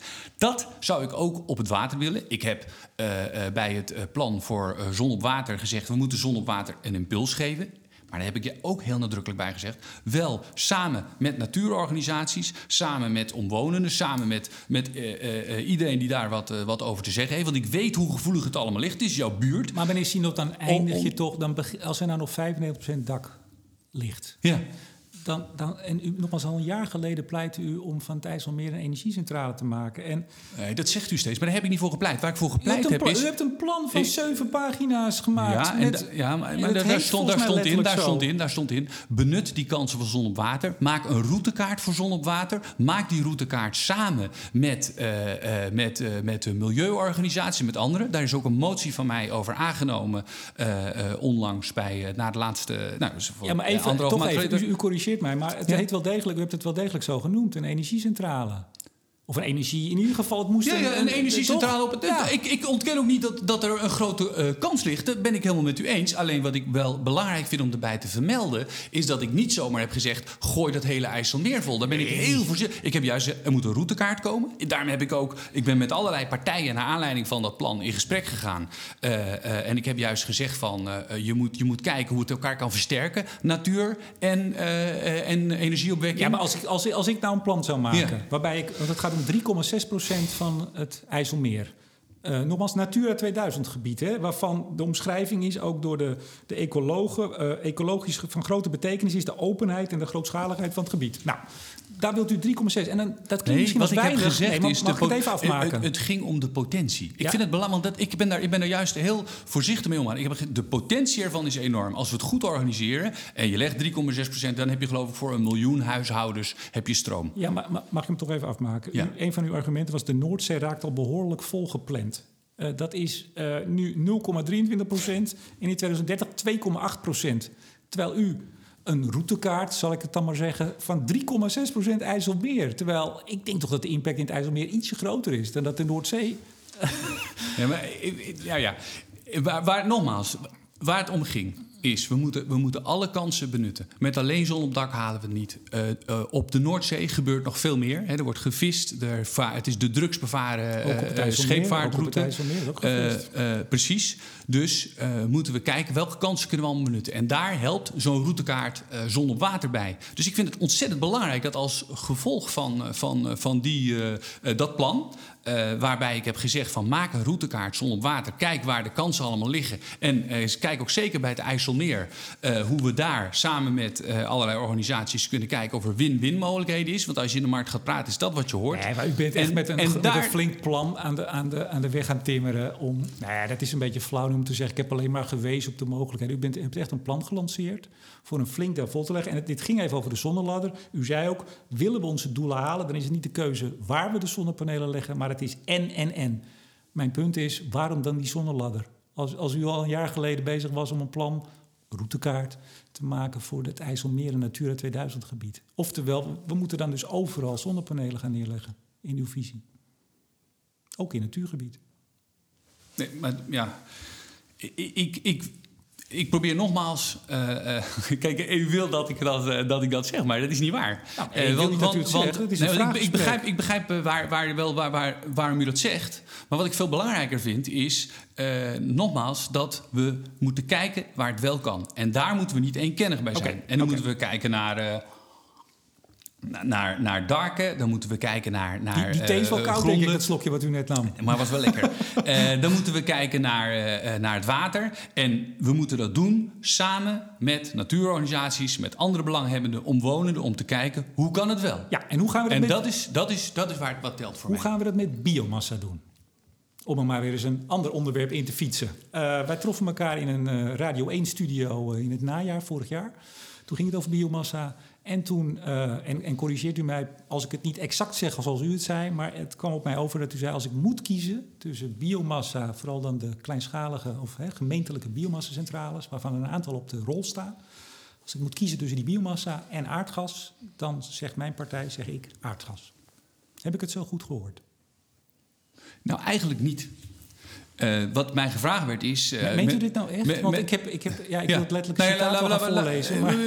ik, ik, wat Ik ik, heb- de wat- wat- mogelijkheid om even wat ik me herinner, eh, wat ik gezegd heb... Want ik herinner me dat gesprek ook nog goed. We hebben het vrij lang gehad over biomassa. Wat ik over biomassa heb gezegd is dat het veel nadelen kent. Wat ik over biomassa ook gezegd heb, is we moeten er eerst voor zorgen dat we de warmtevraag in huizen terugbrengen. Dus eerst fors isoleren. Zeker. Eh, eh, eh, en dan eh, moet je kijken naar wat de geschikte bron is. En toen heb ik inderdaad gezegd, dan, eh, als we dan nu zien dat er op 600, eh, meer dan 600 plekken overal met biomassa wordt gerekend. Biomassa die eh, stikstof uitstoot, eh, eh, eh, maar, maar vooral ook eh, fijnstof uitstoot. Eh, er, zijn, er zijn verschillende problemen bij. Zeker bij de kleinere centrales vind ik ook belangrijk, want nuance is hier heel belangrijk. Ja. Dus toen heb ik gezegd, als dat betekent dat iedereen nu automatisch rekent naar een, eh een biomascentrale, nou dan heb ik liever dat we eerst de isolatievragen oplossen eh, eh, en dan desnoods liever nog gas dan overal biomassa. Ja. Ja. Maar u weet natuurlijk het verschil tussen CO2 van fossiel wat vrijkomt, wat daar miljoenen jaren heeft gezeten. En Ja. biomassa, wat mm, als het tenminste genoeg weer wordt aangeplant en als de biodiversiteit op orde blijft, wel degelijk circulair kan zijn. Je moet natuurlijk de uitstoot, u zei het, fijnstof, dat is inderdaad een issue. Daar moet je goede regels voor hebben, goede controle. Eh, de biomassa moet duurzaam zijn, maar dan is biomassa toch op zich een goed punt. Eh, ik ben in eh, Ede geweest, u bent vast ook wel ergens geweest. Daar halen ze tonnen uit de tuinen en de, en de plantsoenen. En dat wordt in de biomassacentrale eh verstookt voor warmte voor 20.000 huizen. Daar is Ja, maar op zich dat- niks mis mee. en dat heb ik ook eh, eerlijk gezegd op alle, ook in die uitzending gezegd. Als biomassa gaat om resthout, eh, top- en takhout of, of, of hout waar, waar je niks meer mee kunt, laten we zeggen aan het einde van de keten, dan zou je het best kunnen verbranden. Alleen niet in de orde. van- We hebben niet zoveel biomassa die daarvoor geschikt is. Eh, eh, om, om, om in 612 nieuwe biomassacentrales Ja, te gaan maar verbranden. die- die- nou, wa- er, waren, er waren heel veel biomassa. En waar mij vooral om gaat is... hebben we ook alweer? 300 zoveel, hè? Dan moeten er twee per, per Wa- iedere gemeente. Ja, dus wat belangrijk is met biomassa is ook hier... Hè, we komen er niet, dat was het begin van dit gesprek... als we tegen alles nee zeggen. We komen er wel als we de juiste voorwaarden stellen. Is het schoon? Is het echt schoon? Is het betrouwbaar? eh, en is het, eh, is het, is Ja, goedkoop en u- makkelijk? U, u kreeg in de uitzending applaus van Sipwinia, Ja. die een, een soort kruistocht eh, tegen biomassa en voor aardgas. eh, Maar ik heb ook die andere dingen gezegd. eh, van, Zeker. van als, het, als het echt duurzaam kan. En weet je, als je eerst van hout gebouwd hebt. en je maakt, vervolgens maak, doe je nog wat anders met dat hout. En dan, en dan is er echt niks meer van mee te doen. Dan eh, gooi je het in een biomassacentrale. En dan kijk je hoeveel biomassacentrales zijn daar nou echt geschikt voor. Zo kun je de lat hoog leggen. U noemt net fijnstof. Dat is een serieus probleem. Daar moet naar gekeken worden. Ik begreep dat in Ede daar nu ook eh, vragen over zijn. Maar goed, eh, op allerlei plekken is men heel kritisch. Is de weerstand tegen, tegen biomassa hoog. En ik heb gezegd, als we nou ervoor zorgen dat we die vergunningverlening goed voor elkaar krijgen. Als we ervoor zorgen dat we voor kleine biomassacentrales dat er wel rookvergassing komt. Kortom, Ja. Met strengere normen. Dan leggen we de lat hoger. doen we precies wat u zegt. Benutten we maar de kans. hoeveel houden we en houden we het aan de voorwaarden. Hoeveel biomassa hebben we dan? Want het is een van de mogelijke, in ieder geval wereldwijd is het een van de trekpaarden, noem ik het altijd maar. Als we dan toch volgens uw Nou, voorwaarden, wat, wat, wat houden we dan over? Want even voor u, eh, in de KEF 2030, biomassa staat voor 135 petajoule eh, aan de lat. Dat is eh, ruim meer dan de 90 voor zon. Hè? Dus het is echt een enorme hoeveelheid. Er zijn verschillende bij. Hè? Afvalverbranding is, is een flinke. Maar een biomassa ketel is 48 eh petajoule. Ja, en wij zijn het er ook over eens dat biomassa op dit moment een, een hele grote rol speelt in de, in de plannen. Nee, maar de vraag is, als we volgens uw Ja? voorwaarden, waaronder u zegt, nou oké, dan kan ik er wel mee leven. Hoeveel er dan overblijft, Ja, dat, dat durf ik niet zo 1, 2, 3 te zeggen. Eh, maar eh, eh, daar, daarom is het ook zo belangrijk dat Stientje van Veldhoven met het biomassakaarde komt. Hè. Minister van Veldhoven is daar druk mee, minister van Wonen en Milieu. Eh, eh, daarin zullen dit soort vragen geadresseerd moeten worden. En ik als coalitiepartij, maar ook als, eh, als politicus zal er gewoon eh, scherp op letten dat die voorwaarden, die strengere normen, maar ook dat het, het kader dusdanig is dat het de lat hoog legt voor biomassa, dat gemeentes niet automatisch op biomassa uitkomen. Maar zoals in Groningen, dat je ineens ziet dat een restwarmtecentrale wel, eh, wel kan. Hè? Een, een, een stadsverwarmingsnet op restwarmte, eh, dat ze ineens met zonthermie bezig zijn. Want in ons omringende landen is biomassa nu ook nog heel belangrijk, maar dan zie je dat ze ook aan het overschakelen zijn. U noemt eh Dus ons probleem is hoe, wa- wat is onze, hoe zorgen we dat we huizen warm krijgen? Ja. En eh, dat begint met een zo goed mogelijke isolatie. Ja. En vervolgens kijken van hoe kunnen we de temperaturen eh, van de, de, sorry, hoe kunnen we de warmtenetten ook bronnen geven die echt schoon zijn. Dat betekent lage Ja, temperatuurnetten. nee, dat weten we. Maar, Ja, maar dat is belangrijk, want, want dat, dat, dat weten we allemaal. Maar ik zie te weinig dat we daarnaar handelen. En dat moeten we van de grond krijgen. u, u noemde Stientje van Veldhoven. Ehm, zij was zeg maar in het vorige kabinet in de oppositie in de Kamer. Eh, streed zij vooral tegen ook biomassa in de kolencentrales, de bijstook. Eh, daar is D66 geen fan van, hè? Nee, kijk. En ik vind het ook heel, heel begrijpelijk, want eh, je haalt bossen van ver om hier direct te verbranden. We hebben net gezegd, biomassa kun je voor zoveel goede doeleinden gebruiken. Eh, je kunt ervan bouwen, je kunt het voor de chemische procestechnologie gebruiken. Eh, eh, er zijn zoveel betere bestemmingen van biomassa dan simpelweg verbranden in een kolencentrale. Die je daarmee bovendien, ja, we hebben gezegd dat we, dat we liever gaan zien dat ze dichtgaan en dat we de omschakeling maken. Bovendien hebben we nog veel gas in Nederland. Eh, nou, daar komen we zo op, want dat valt wel tegen. Maar goed, u hebt nou ja, daar zijn ontwikkelingen in. Maar toen, toen wij hierover bezig waren, stonden volgens mij gascentrales in de mottenballen. En nou, al, al, dat allemaal opgeteld, waren wij geen groot voorstander van, van kolencentrales, bijstook van biomassa en kolencentrales. Ja, nou, nou was lastige, en dat is denk ik heel vervelend. Ik weet niet of u dat weet. u hoeft er ook niet op te reageren. Oh, had u hem toch nog aanstaan, de telefoon? Geeft niet, geeft niet. Hè? Ik heb het ook wel gehad.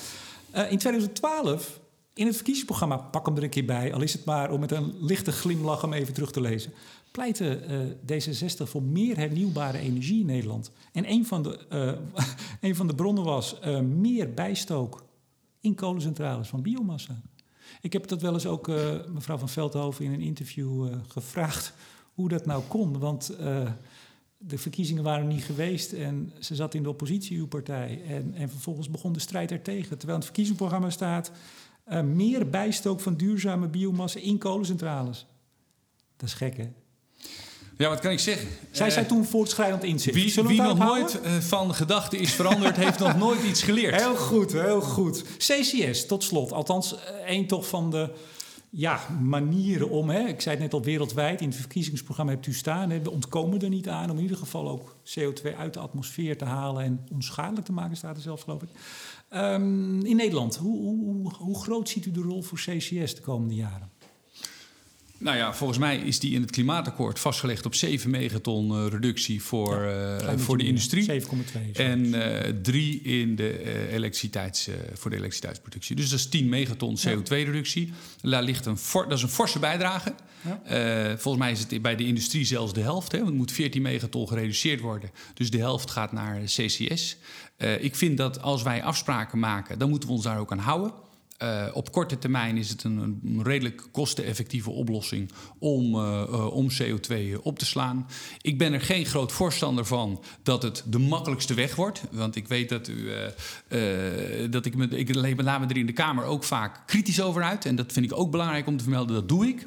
Omdat ik ervoor wil zorgen dat we echt die omslag maken. En als je alleen maar de CO2-moleculen af gaat vangen. maar je blijft op dezelfde manier je energie gebruiken. en je, je gaat alleen de CO2-moleculen af en onder de grond stoppen, dan ben je nog niet bezig met een echte omslag. Ja, maar nou, nou had u, uh, u hebt uw partijprogramma laten doorrekenen door het PBL hè, in de aanloop naar eigenlijk het hele klimaatakkoord uh, onderhandelingen. Uh, u had van alle partijen de meeste CCS, 18 megaton in het verkiezingsprogramma staan. Nog fors meer zelfs dan GroenLinks, met 13 megaton.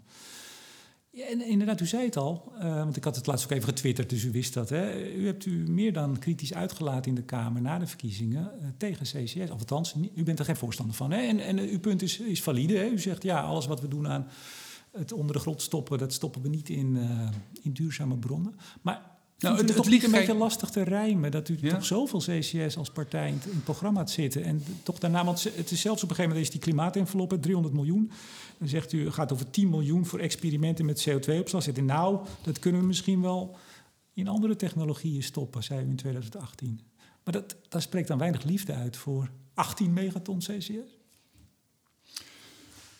We hebben uh, uh, nogmaals uh, met CCS uh, vind, ik vind, kijk, deze hele transitie die, die gaat natuurlijk erover hoe zorg je dat je het scho schoon mogelijk maakt. Hoe zorg je ervoor dat je die echte omslag voor elkaar krijgt. Uh, in dat perspectief is het ook belangrijk om te kijken waar gaat straks de meeste subsidie naartoe en hoe voorkomen we dat alle subsidie naar dat andere gaat. Dan is het belangrijk als je voor die echte omslag wil gaan, dat je ook ervoor zorgt dat, uh, dat CCS uh, een plek krijgt, want je wil je doelen halen, maar wel een plek die ook past bij het maken van de omslag.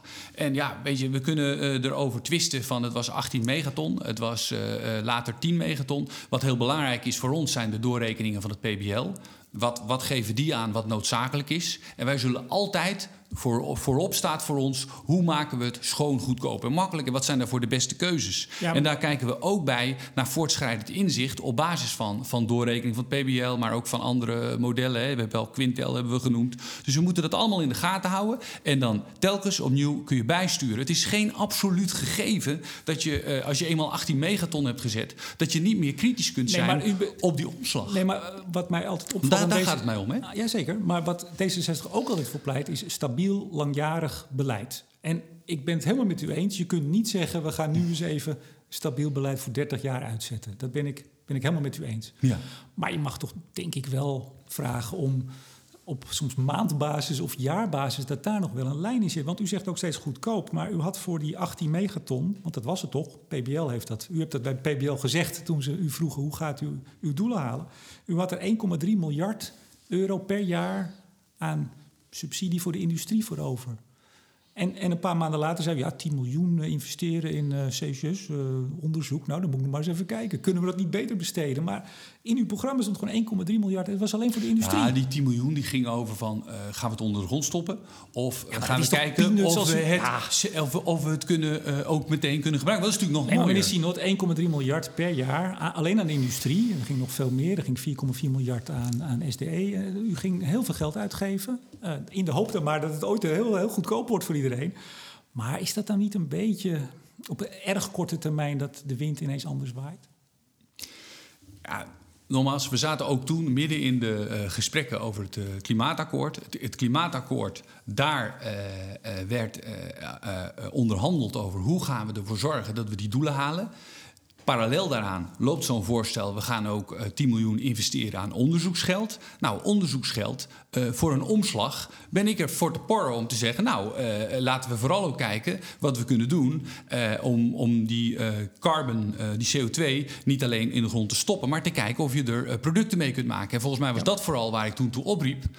laten we innovatie aanjagen. Laten we budget dat bedoeld is voor innovatie... ook echt gebruiken voor het creëren van een omslag. Tegelijkertijd zeg ik dan in de context uh, er even bij. Loopt er een uh, onderhandeling over een klimaatakkoord, wat inmiddels bekend is. Waarin we met elkaar hebben afgesproken nu 10 megaton aan uh, CCS voor de elektriciteits- en de, bedrijf, in de industrie. Maar dus er is fors wat ik, van neergezet. Ik, ik meen dat u toen VVD-collega Dylan Jezilgus u wel eens verweet van... Goh, volgens mij wil u helemaal geen CCS. De, de, de, toon was toch een beetje, nou, liever in, in, in en wind. Of in, in ieder geval echte hernieuwbare bronnen. En dat, is, en dat zal ook de toon voor ons blijven, omdat daar uiteindelijk, kijk, als je echt iets wil veranderen en je wil echt nieuwe dingen, en u zegt net ook, de, de groei van schoon kan uh, de, de groei van de energie uh, in de wereld niet bijhouden. Hè? Dat hebben we net geconstateerd. Als ik dan simpelweg naar Nederland kijk, dat wij onze doelen niet halen voor hernieuwbaar. En we zeggen nog, we blijven het allerverst achter bij, uh, bij, bij Europa. U bij de andere dat u dat gênant vond. En dat vind ik ook echt. Want maar u zit in de regering. Ja, dat is ook zo. uh, maar goed, uh, dit is niet uit de lucht komen vallen hè, dat het niet uh, lukt. Het was, al, het was al heel lang zo. maar het is onacceptabel. En we strijden er elk moment voor om de minister vooruit te duwen. Dat hij dat echt alles uit de kast trekt. Maar, maar blijkbaar vinden we dat wel. En vindt de coalitie en vindt deze Kamer, vindt de volksvertegenwoordiging het wel acceptabel. Dat is dan toch ook gewoon een realiteit? U kunt nou, wel zeggen dat het gênant is ja. uh, en dat het onacceptabel is. Maar wij maar... vinden het niet acceptabel. En kijk, ik heb nou, had u, we hebben steun net, voor uw, uh, voor uw uh, zon op IJsselmeerplan? Want u, u zei toen ook op een gegeven moment... ja, maar ze, al mijn collega's die ondersteunen zo'n beetje het Parijsakkoord... Uh, klimaat, Klimaatakkoord Parijs en de, de, doelen. Dus die zullen dit ook wel een goed plan vinden. Ik heb heel weinig steun. nou ja, zoals ik net gezegd heb... Die, de, de routekaart voor zon op water... die is gewoon gesteund een paar maanden geleden. er is ook brede steun geweest. Met de coalitie heb ik samen met Agnes Mulder... Uh, ervoor gezorgd dat er 100 miljoen extra voor zon op dak komt voor MKB-bedrijven. Uh, we doen alles wat we kunnen om aanvullend uh, elke keer, wanneer het maar kan, ervoor te zorgen om vanuit de Kamer uh, wel degelijk meer te bereiken. Ja. Ik, ik, kaart net ook niet voor niks aan dat er gewoon voor anderhalf keer borstelen op dit moment in de schuur staat in plaats van op het dak komt, omdat er problemen met de netcapaciteit zijn. Ik, ik kaart net ook aan dat er problemen zijn met de hoeveelheid zonnestroom die waarschijnlijk zal worden opgewekt omdat we de tarieven voor SDE ineens zo fors laten kelderen. Ja, maar dat, dat, dat zijn dat, allemaal problemen die ik aankaart. Ja, daar hebt u gelijk in. Maar u, u kwam, uh, dat was in november in een AO, uh, op, een, op een opmerking, misschien een verwijt van uw collega Moorlag PvdA. Want toen zei u ook hè, over die uh, capaciteitsproblemen. de vluchtstrook, nou, voor de kenners, hè, hoe, hoe, zorg je dat je extra stroom op de, op de, op de snelweg krijgt? Toen zei u aan de slag, zeg ik tegen de minister, laten we eens iets gaan doen. Ik, ja, ik bedoel ik, aan ik, dat probleem. Ja, ja maar ik, nou, ik, hoor dan vooral de het kan wel uh, frisse wind blogger... Die, die soms net doet of, er, uh, of iedereen hier maar een beetje op zijn handen zit. En Morlag zei ook, nou, ik denk dat we meneer Sinot maar de minister moeten maken... want die denkt dat alles in een vloek en een zucht geregeld is. De praktijk is gewoon veel weerbarstiger dan blogs maken voor het kan wel. Is dat niet misschien toch de conclusie? Nou, nee, dat is niet de conclusie wat mij betreft. Want ik zei we staan dat... op 8,6 procent, terwijl we 14 moeten hebben. Dan is het toch weer barstig, de praktijk. Het, het, is weer barstig, maar het is niet de conclusie van, van dit, dit punt. Want uh, uh, dat zei ik aan het einde van een dag... waarin we ook een ronde tafel hadden ge, uh, ge, georganiseerd. Wij als D66, waarbij met de Kamer... waarbij allerlei partijen aan, aan boord kwamen. Die zeiden eigenlijk allemaal, als iedereen wil dan kunnen we dit probleem op korte termijn uh, uh, oplossen. Het is een beetje Nou, dat je met z'n allen in de file staat... dat er iemand voorin gaat staan en zegt... ik tel tot drie en dan rijden we allemaal achter of vooruit. Nee, dat is, want er werden ook hele goede, goede oplossingen voor geboden. Naast inderdaad die, die vluchtstrook werd er ook gezegd van... als uh, zon en de zonontwikkelaars zeiden ook dat ze daar best toe bereid waren... als zij 35% piekvermogen bereid zijn om dat weg te schaven, zeg maar... dan, dan verliezen ze daar maar 2% rendement op. Ja. Nou, dat, bood, dat biedt ruimte. Nee, maar dan blijkt En- dus de praktijk en de wetgeving en alles blijkt Ja. weer barstiger dan. Klopt, en dat hoef je niet te accepteren. Want ik had namelijk, eh, ik was in, eh, in Twente geweest. En, en wat u voelde, die emotie, was veel meer eh, de synod die net in Twenterand was geweest. Waar 40 ondernemers ontzettend graag mee aan de slag wilden. Waar een netbeheerder ook aan tafel zat. En, waarbij, en de gemeente. En waarbij eigenlijk de oplossingen voor dat probleem daar eh, eh, aanwezig waren. En we ze uit konden voeren, of zij ze uit konden voeren, als ze daarvoor de ruimte kregen. En aan de slag was vooral de oproep aan de minister: minister, ga met die. Die, die, die ruimtes waar, waar, waar mensen met elkaar zeggen, 40 ondernemers samen, Ja. hebben we heel wat megawatt staan. Eh, we gaan aan de slag. En dat was de aan de slag. Heel goed, we zitten al op een uur en een kwartier. We gaan afronden. We hebben nog één onderwerp: aardgas. U heeft het een paar keer gezegd: aardgas en CCS. Hè. Aardgas is. Vraagteken, is de, toch de transitiebrandstof waar we het van moeten hebben de komende decennia in die overgang naar, nou ja, waarnaar? Ziet u dat als transitiebrandstof? Nou ja, ik denk, ik denk dat, dat het een beetje. mm, Kijk, het is, het is, ik heb het eh, een, eh, bij de hand. Hè. Het is 41% geloof ik van onze. op dit moment van onze energievraag is met gas. Ehm, nou, ik wil er even vanaf zijn. Zeg maar, Ik het is die ik had- mooie EBN-poster. Ja, precies. ik had het voor u opgezocht. Maar het, het komt erop neer dat het is gewoon een heel belangrijke energiebron. Eh, eh, we kunnen het niet eh, wegtoveren. En ik wil het ook niet wegtoveren, want het is van de fossiele bronnen waarschijnlijk nog een van de meest aantrekkelijke, hoor ik Ja. altijd. En waar gaan we het vandaan halen? Want u zei net even een tijdje terug, we hebben nog genoeg gas. Toen zei ik, nou, daar moeten we het toch even over hebben. Waar gaan we dat gas vandaan halen? Ja, eh, die, dit gesprek hebben wij ook eh, vaker gehad. Eh, en ik ben er een groot voorstander van als het veilig en verantwoord kan. Dat we het in de, in de kleine velden doen. Let op, veilig en verantwoord. En met een goed schadeprotocol heb ik me ook in de Kamer voor ingezet.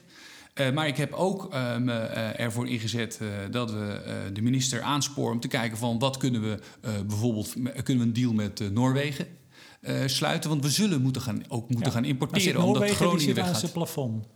Dat, dat weet u denk ik wel. Dus we kunnen best met ze gaan praten met die vriendelijke Noren.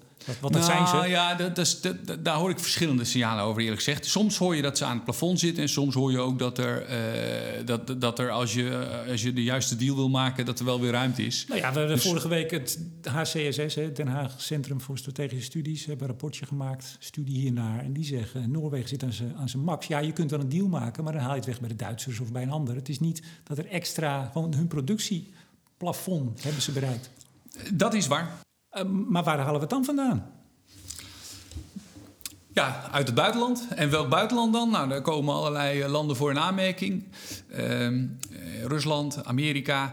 Maar voor ons geldt ook daar een paar dingen. Ik denk dat het goed is om dat even scherp te zeggen. Eén, we moeten goed kijken, en daar gingen mijn vragen ook over... hoe kunnen we de vraag verminderen? Want als we de vraag naar energie verminderen, hoeven we ook minder te importeren. Maar we kijken er niet voor weg dat er geïmporteerd moet worden. Nou, dan is voor ons Noorwegen eh, is een optie. Maar u zegt ook terecht van, dan haal je het eh, eventueel ergens anders vandaan. Nou, Noorwegen Eh, zit aan zijn plafond. Precies, die kunnen niet meer gas gaan maken. Dus dan moeten we verder kijken. En dan moeten we kijken of het op een ander, ergens anders op schoon, goedkoop en makkelijk vandaan kan komen. En vooral ook, zeg ik maar nog maar een keer. Onze afhankelijkheid van gas moeten we gewoon verminderen. Als je ziet dat in de industrie, en daar begon ik dit gesprek ook over, de industrie heel veel te winnen valt door eh, te elektrificeren. Eh, eh, door eh, overtollige schone energie. We moeten ook buiten. sorry, dat heb ik nog niet genoemd. Dat zou ik wel graag willen doen als u het goed vindt. Zeker, Buiten ons land. We hoeven niet alles in Nederland op te lossen. U zegt terecht, gas halen we ook uit het buitenland. Waarom gaan we niet samenwerken met, met landen waar heel veel zon is? En waar je voor anderhalf cent, en nu al in Portugal, maar je zou ook aan de Noord- Noord-Afrikaanse landen kunnen denken. waar wij zeggen, wij gaan daar investeren in een zonnepark. En de groene waterstof die daar geproduceerd wordt, is ook voor ons. Maar ik heb, ik heb het niet helemaal meer scherp, dus hou me ten goede. Maar ik, in het doorspitten van uw verkiezingsprogramma's heb ik ook wel eens gelezen dat we de afhankelijkheid van het Midden-Oosten, van die oliejongens, moesten verkleinen. Begin, ja, dan beginnen we weer aan een nieuwe afhankelijkheid van een, een prachtig land in eh, Noord-Afrika. Maar goed, dat even terzijde. Nou ja, dat, dat Die- is, die schoon, die afhankelijkheid is natuurlijk als je er zelf in investeert. Eh, eh, je, je, je werkt daarmee samen en het is eh, door Nederlandse bedrijven opgezet. Dan ben je in die zin wat minder afhankelijk. Heb je meer in de melk te brokkelen. Ja, ik, ik heb wel eens het woord energiekolonialisme gehoord. Maar dat zullen we, laten we die maar even laten zitten. Nou, waar het om gaat over- is, we halen nu fossiele brandstoffen halen we ook uit het buitenland. Waarom zouden we hernieuwbare brandstoffen allemaal op die postzegel Nou, moeten, nee, moeten opwekken? Het, het was natuurlijk zo dat wij tot vorig jaar zelfvoorzienend waren in, in aardgas eh, opzicht. Nou, Groningen, daar discussieert niemand over, dat stopt. Maar het gaat nu om die kleine velden. De klimaatvoetafdruk van buitenlands gas, daar kwam HCSS ook mee, hè, dat, eh, dat rapport van vorige week. nou ja, als er meer uit de 30% slechter. Zou u als D66 met zo'n hart voor het klimaat niet moeten pleiten voor veel meer gaswinning in Nederland? Als, nou, daar begon ik eh, mee. Hè. Als het veilig en verantwoord kan, dan zijn de kleine gasvelden waar wij het eerst naar kijken. We zijn alleen heel kritisch op onder de wadden. Eh, maar eh, de, Maar boven de Wadden, boven Terschelling is een veld gevonden. Daar is verzet tegen. U bent daar, als u dit, die afweging maakt, ik maak hem niet plat, hè, de afweging tussen 30% slechtere klimaatvoetafdruk van Russisch gas, wat we dan toch nodig hebben, of Nederlands gas, dan zegt u Nederlands gas. Ja, eh, als er eh, meer kan op veilige en verantwoorde manier en er zijn goede schadeprotocollen. En ik heb inmiddels in reactie op mijn vragen ook al van diverse mensen uit de industrie begrepen dat het, het eh, en dat, dat hoor ik heel vaak, dat de veiligheid in de regio onder Groningen, dus waar de kleine gasvelden zijn, dat is een heel ander. Niet onder Groningen dan. Eh, ja, ik moet, moet, ja, moet dat zeggen? In Drenthe en verder. Daar zijn allerlei kleine Brabant. velden. Brabant. Waar de kleine velden zijn eigenlijk veel minder eh, eh, incidenten, eigenlijk nauwelijks. In, in, in tegenstelling tot, tot wat er in, in Groningen gebeurt. Maar het gaat vooral ook over de Noordzee. Gisteren het FD, niet één gasvondst Noordzee Ja. vorig jaar. Het ligt eigenlijk een beetje op zijn gat. Groot-Brittannië en de Nooren die hebben een veel gunstiger belastingklimaat. Nederland werkt al twee jaar aan eh, het verhogen van de investeringsaftrek naar 40 procent. Is nog steeds niet rond. Ja, dit gaat zo niet goed. Als ik dat zo, als ik u hoor, hè? eh, Nou ja, ik had het over de voorwaarden scheppen. Eh, we moeten de kleine gasvelden moeten we niet als kans laten lopen. Ik ben ook heel benieuwd naar de antwoorden van de minister in reactie. Ik heb niet voor niks vragen gesteld. Hè. Je stelt vragen ook omdat je, omdat je meer grip wilt krijgen op iets. Het is een, een nieuw onderzoek. Eh, eh, en ik vind het eh, nogmaals belangrijk dat voor ons geldt eerst kijken hoe we die vraag ook versneld kunnen verminderen. Ja, maar dat is, dat is helder. U zegt... Nou, maar dat, want, want, want- want- kijk, op het moment dat we elke keer op, voor die andere oplossingen gaan, als we het daarover gaan hebben, alles waar je energie in steekt, wordt groter. Ja, maar meneer Sinot, u weet ook, we gaan van kolen af. En als we het even iets breder kijken, in Europa gaan Zo we van kernenergie af. Ja. En de invoer, de import uit Rusland is al van 140 miljard naar 200 miljard kuub toegenomen. Dus u hebt helemaal gelijk en eh, het is lovenswaardig, strevenswaardig. Moeten we doen om Ja. de vraag te beperken, maar dat ziet er niet naar uit. Zelfs in Nederland is de verwachting dat we gelijk blijven de komende tien jaar... of misschien wel gaan stijgen in de gasvraag. Dus ja, het moet ergens vandaan. Maar u hebt geantwoord. Ik zag trouwens uw Kamervragen. U, u had het over eh, nog vijf kuub gas in 2030. Ik denk dat u 5 miljard bedoelde. Hè, wat er dan nog 5 op- miljard kuub, ja. Ja, het stond ook zo in trouw. Ik, ik, Nee, denk maar dat uw moet 5 medewerker miljard zijn. We hebben dit gesprek bij de gasdag ook gehad. Ja, nee, nee. U, u was even eh, miljard vergeten. Ah, dat is een kleinigheidje. We gaan het nu echt afsluiten, want u bent de langste podcast tot nu toe. Nog veel langer dan de minister. ja. Nou, dat is dan in elk geval eh, mooi. Ik vond het een heel mooi gesprek. Ja, wacht even. Ik ga hem afsluiten. Ja, u, Oh, sorry. u dacht, ik pak hem even over. Dat mag ook, hoor. Ehm, ja, vooroploop in de wereld, hè. Dat is wat, wat Nederland moet doen. Is dat toch, eh, als we dit nou even overzien... we hebben eigenlijk alles wel behandeld, of veel. We hebben de wereld bekeken, we hebben Nederland bekeken. Gas, kernenergie, CCS, biomassa. Is Nederland in de positie om voorop te lopen, vindt u? Als je kijkt naar eh, de, de innovatie in ons land, als je kijkt naar de nieuwe, de nieuwe mogelijkheden die zich aandienen, ook wat we hebben voor elkaar gekregen met de Klimaatwet en het Klimaatakkoord. Daar wordt internationaal echt wel eh, met enig respect naar gekeken. Dan Die- hebben we goede Rutte die, die zegt dat, dat, dat ze in de rij staan om hier naartoe te komen, hè? omdat we een klimaatakkoord hebben. Ja, hebt, u nou, dat, dat- hebt u dat al gemerkt? Eh, Nou, er wordt, ik merkte wel in, in, eh, in Madrid heb ik met diverse buitenlandse collega's gesproken natuurlijk bij de klimaattop. En je merkt wel, daar wordt wel met respect naar gekeken en men is daar zeer geïnteresseerd in. Dus ja, ik, ik heb dat wel in die zin gemerkt. Ze staan bij mij minder in de rij natuurlijk dan bij Rutte. Eh, maar wat in elk geval eh, wel geldt is op die punten. eh, denk ik dat wij een goede, goed verhaal hebben. Als je kijkt naar de realisatie van wat we tot nu toe hebben neergezet, is het treurig en moet het veel beter. En daar zet ik me elke dag voor in. Twee jaar geleden kwam u als blogger Frisse Wind kwam u, in de politiek, of althans in de Kamer. U zat al iets langer in de gemeentepolitiek. Heeft het u, brengt het u wat u ervan hoopte of dacht? Ja, eigenlijk wel. Ik, eh, ik was in eh, 2009 was ik in Kopenhagen eh, bij de klimaattop. Gewoon als, als, als blogger, als enthousiasteling. was net bij, bij eh, Microsoft weg. En iedereen ging daar best wel in mineur weg. En eh, ik had toen niet durven dromen dat ik nog eens eh, de eerste spreker zou zijn bij de behandeling van een klimaatwet in Nederland. En ik had al helemaal niet durven dromen dat ik eh, de woordvoerder energie en klimaat zou zijn, terwijl er een klimaatakkoord in Nederland zou worden gesloten. Dus in die zin brengt het mij veel. Matthijs Sinot, woordvoerder Klimaat en Energie in de Tweede Kamer voor D66. Hartelijk dank voor dit gesprek. Bedank ook deze week weer energie- en telecombedrijf Nutsgroep, Team Energie van Ploem Advocaat en Notarissen en netbeheerder Stedin voor het mede mogelijk maken van deze uitzending. En uiteraard bedank ik jou voor het luisteren, beste luisteraar. Kijk, die, die ging mis, meneer Sinot. Dit is voor de eerste keer. Dit is aflevering 80. En uiteraard bedank ik jou, beste luisteraar, voor het luisteren. Mijn naam is Remco de Boer. Graag tot volgende week.